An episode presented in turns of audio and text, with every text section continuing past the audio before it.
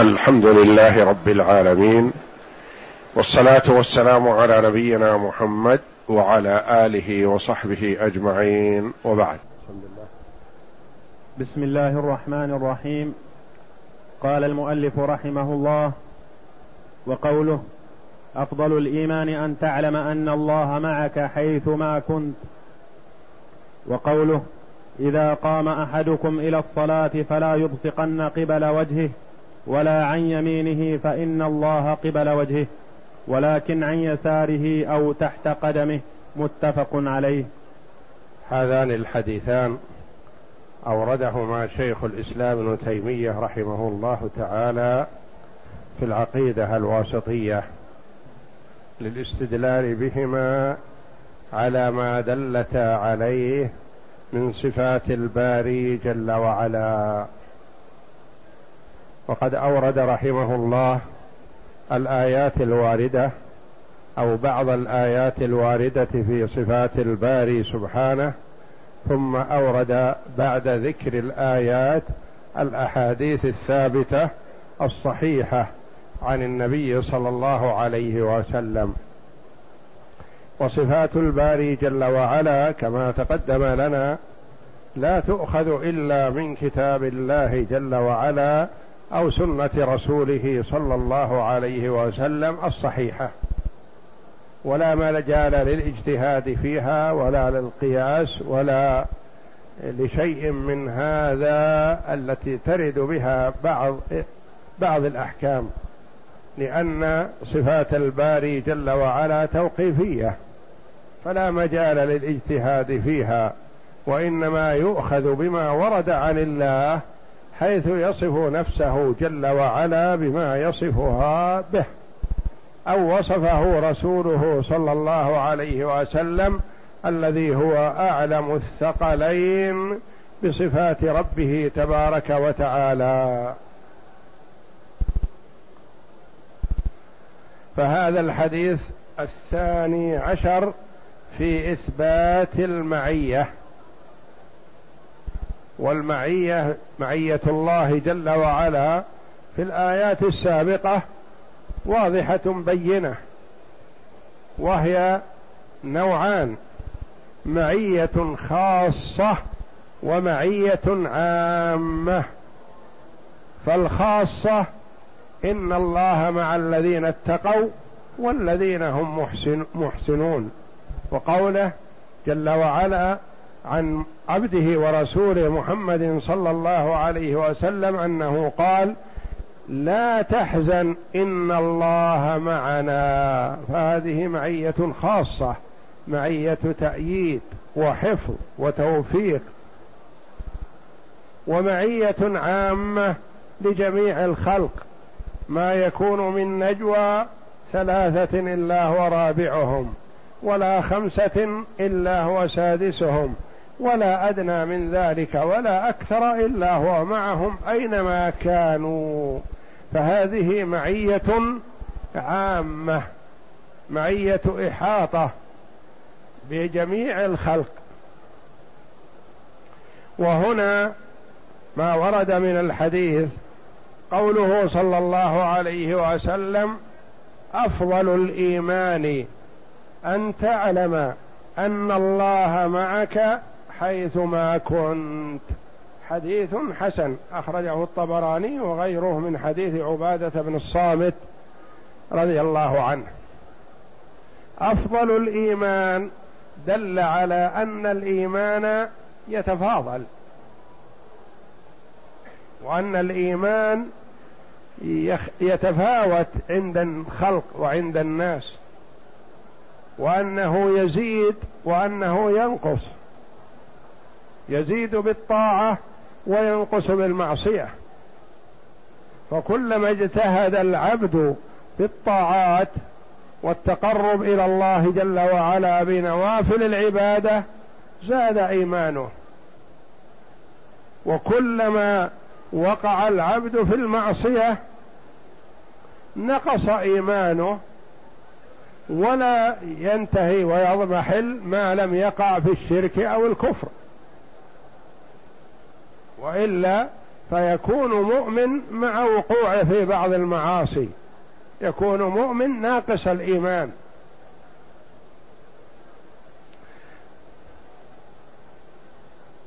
فقوله صلى الله عليه وسلم أفضل الإيمان دل على أن الإيمان يتفاوت. ومنه ما هو فاضل ومنه ما هو أفضل. أفضل الإيمان أن تعلم أن الله معك حيثما كنت. وهذه درجة الإحسان التي هي أعلى من الإيمان. فالمراتب التي يمكن أن يتصف بها المسلم ثلاث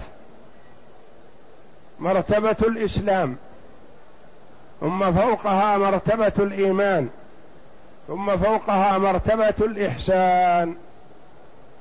مرتبة الإحسان. فسرها النبي صلى الله عليه وسلم لجبريل عليه السلام حينما سأله عن مراتب الإسلام والإيمان والإحسان. قال أن تعبد الله كأنك تراه. أن تعبد الله كأنك تراه. وهنا يقول أن تعلم أن الله معك حيثما كنت فهو مطلع عليك. مهما اختفيت عن الأنظار والأعين ولم يطلع عليك أحد من الخلق فالله جل وعلا مطلع عليك يراك. فاحذر أن يراك على ما يكره.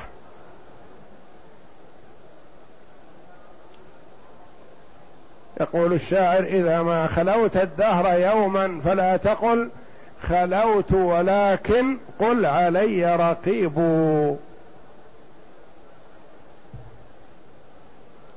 أن تعلم أن الله معك حيثما كنت. اينما كنت؟ في مجمع من الناس وحدك في سرداب في بيت مظلم في مكان خفي. الله جل وعلا معك. فإن كنت مؤمنا فالله معك يحفظك ويؤيدك وينصرك.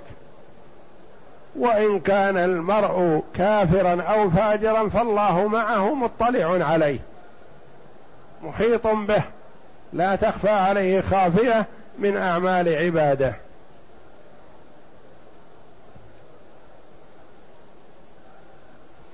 وهو جل وعلا مع العباد وهو مستو على العرش فوق السماوات العلى فليس معنى أنه معك أي في الأرض تعالى الله وتقدس فهو جل وعلا كما تقدم لنا له العلو المطلق علو القدر وعلو القهر وعلو الذات.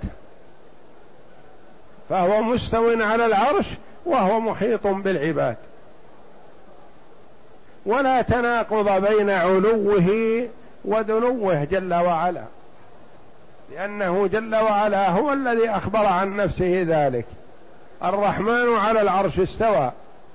وهو معكم أينما كنتم. فلا يقال كيف يكون معنا وهو مستو على العرش. مستو على العرش وهو معنا جل وعلا بإحاطته واطلاعه وحفظه لعباده المؤمنين وتأييده.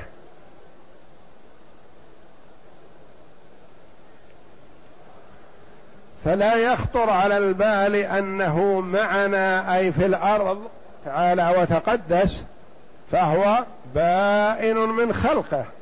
يعني ما يحيط به جل وعلا شيء من المخلوقات لا السماوات ولا الكرسي ولا غيرها.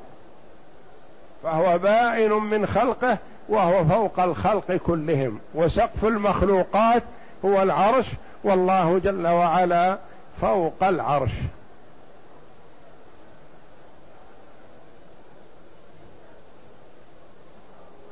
الحديث الثالث عشر الذي أورده المؤلف رحمه الله تعالى قوله صلى الله عليه وسلم إذا قام أحدكم إلى الصلاة فلا يبصقن قبل وجهه ولا عن يمينه فإن الله قبل وجهه ولكن عن يساره أو تحت قدمه متفق عليه في الصحيحين وفي غيرهما. يقول إذا قام أحدكم إلى الصلاة إذا قمت تصلي فلا يبصقن المرء قبل وجهه لأن الله قبله. فالله قبل الوجه. فأينما تولوا فثم وجه الله. والمرء يكون مستقبل للسماء مستقبل للقمر مستقبل للشمس مثلا. والله جل وعلا ما يقاس بخلقه. فالحديث ثابت في الصحيحين. ولا يلزم من هذا أن نقول إن الله كذا أو كذا وإنما علينا الإيمان بالحديث وفهم معناه. لا نقول فيه كما تقول بعض الطوائف نمره بلا فهم ولا إدراك. لا. ولا نرده لأنه يلزم أن يكون كذا أو يلزم أن يكون كذا. فلا يلزم شيء مما يلزم الخلق مع أنه ممكن أن يكون الشيء عالي ويكون قبل الوجه. فالقمر مثلا عالي ويكون قبل وجهك أو تستدبره مثلا. والشمس تكون قبل وجهك مثلا وهي عالية في السماء. والله جل وعلا لا يقاس بخلقه. والواجب على المؤمن إذا جاء القرآن أو جاءت السنة الصحيحة بإثبات أمر من الأمور لله تبارك وتعالى يجب عليه أن يؤمن به ويأخذه بالقبول ولا يشبهه. لا يقيس بخلقه أو يخطر على باله التشبيه أو التمثيل لا.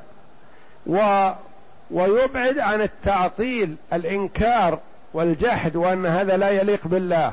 الله جل وعلا يقول لنا كذا ونقول هذا لا يليق بالله؟ لا. النبي صلى الله عليه وسلم أعلم الخلق يقول لنا فلا يبصقن قبل وجهه ولا عن يمينه فإن الله قبل وجهه. ونقول كيف يكون قبل وجهه وهو في السماء؟ هذا تناقض. لا. التناقض إذا قسنا الله جل وعلا بخلقه. وأما إذا آمنا بالله جل وعلا وبما جاء عن الله على مراد الله وآمنا برسول الله صلى الله عليه وسلم وبما جاء عن رسول الله على مراد رسول الله والمعنى واضح والتشبيه والتمثيل الله جل وعلا منزه عنه والله جل وعلا يقول ولله المشرق والمغرب فأينما تولوا فثم وجه الله. هذا في القبلة والله أعلم. يعني إذا اشتبهت على الإنسان القبلة في الليل في البرية فيجتهد ويصلي وصلاته صحيحة. أما إذا عرف القبلة وانحرف عنها يمينا أو شمال ما صحت صلاته. أو إذا ما عرف القبلة وانحرف عنها يمينا أو شمال مع إمكانه الاطلاع عليها ومعرفتها ما يجوز له. يعني مثلا اجتهد في البلد في القبلة نقول له ما يصح الاجتهاد. لأنه بالإمكان أن يخرج ويسأل أي رجل أو امرأة أين القبلة يقول له كذا. بخلاف البرية فهو إذا اجتهد في البرية وإن لم يصب القبلة فصلاته صحيحة لأنه اتقى الله ما استطاع.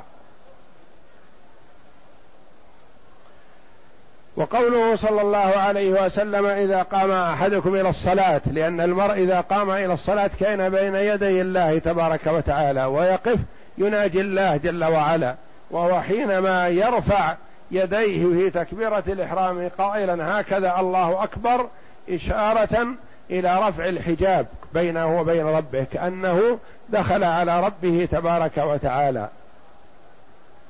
فلا يبصقن قبل وجهه يعني ما يجوز له أن يبصق أمامه إذا كان في الصلاة. فإن الله قبل وجهه وإلا ولكن يبصق عن يساره أو تحت قدمه.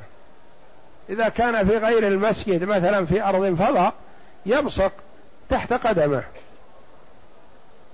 وإذا أو أو يبصق عن يساره. وأما إذا كان في المسجد فلا يبصق تحت قدمه لأن البصاق يكون في المسجد. وقد نهى النبي صلى الله عليه وسلم عن البصاق في المسجد وقال هو خطيئة. ولا يبصق عن يساره في المسجد وإنما يبصق بثوبه. ويدلك بعضه ببعض حتى يذهب أثر البصاق فلا يبقى بقعة قذرة في ثوبه. ولا عن يمينه لأن اليمين مكرمة. والنبي صلى الله عليه وسلم جعل يمينه للأشياء الفاضلة كالأكل والشرب والسلام والتناول والأخذ والعطاء والشمال للشيء المفضول للاستنجاء مثلا يباشر بها عورته للمخاط للأشياء التي مثلا يستقدرها الإنسان يقدم فيها اليسار.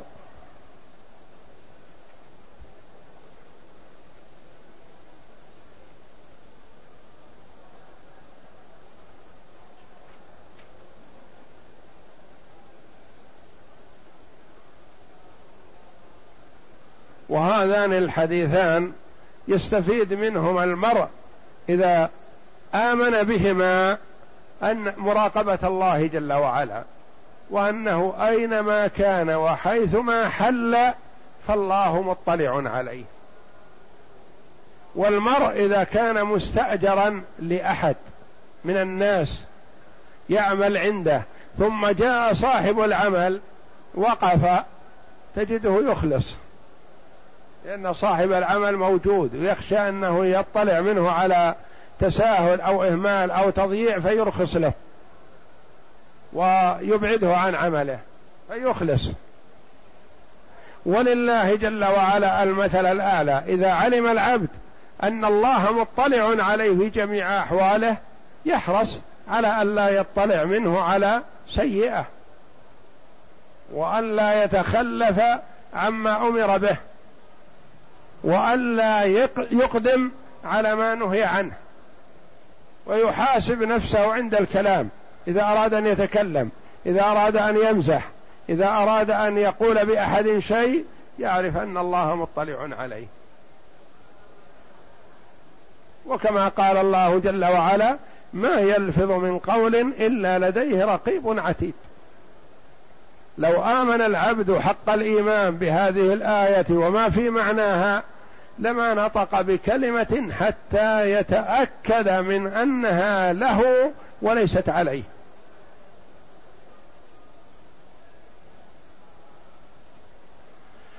فنستفيد من هذا مراقبة الله جل وعلا وأن الله مطلع على العبد في جميع أحواله فيحذر العبد العاقل المؤمن أن يطلع الله جل وعلا منه على ما لا يحب. اقرأ.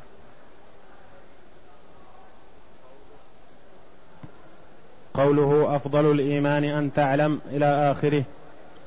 دلالة على أن أفضل الإيمان هو مقام الإحسان والمراقبة. وهو أن يعبد العبد أن يعبد العبد ربه كأنه يراه ويشاهده. ويعلم أن الله هو معه حيث كان فلا يتكلم ولا يفعل ولا يخوض في أمر ما إلا والله رقيب مطلع عليه. قال تعالى وما تكون في شأن وما تتلو منه من قرآن ولا تعملون من عمل إلا كنا عليكم شهودا. ولا شك أن هذه المعية إذا استحضرها العبد في كل أحواله فإنه يستحي من الله عز وجل. يستحي من الله عز وجل أن يراه حيث نهاه أو أن يفتقده حيث أمره. فتكون عونا له على اجتناب ما حرم الله والمسارعة إلى إلى فعل ما أمر به من الطاعات على وجه الكمال ظاهرا وباطنا. ولا سيما إذا دخل في الصلاة التي هي أعظم صلة ومناجاة بين العبد وربه.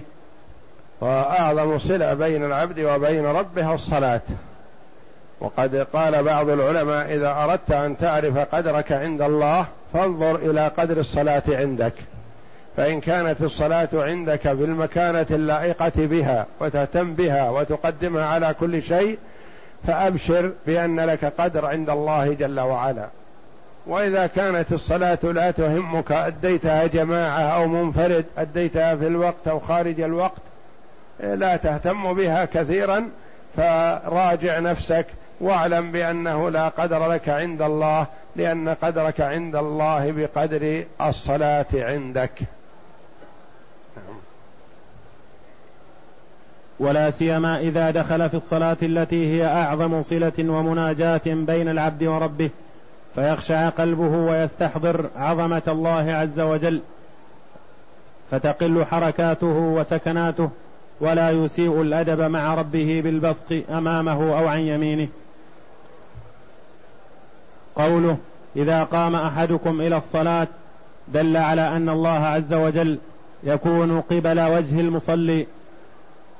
قال شيخ الإسلام في العقيدة الحموية إن الحديث حق على ظاهره وهو سبحانه فوق العرش وهو قبل وجه المصلي. شيخ رحمه الله شيخ الإسلام له مؤلفات في العقيدة والتوحيد كثيرة منها المختصر العقيدة الواسطية.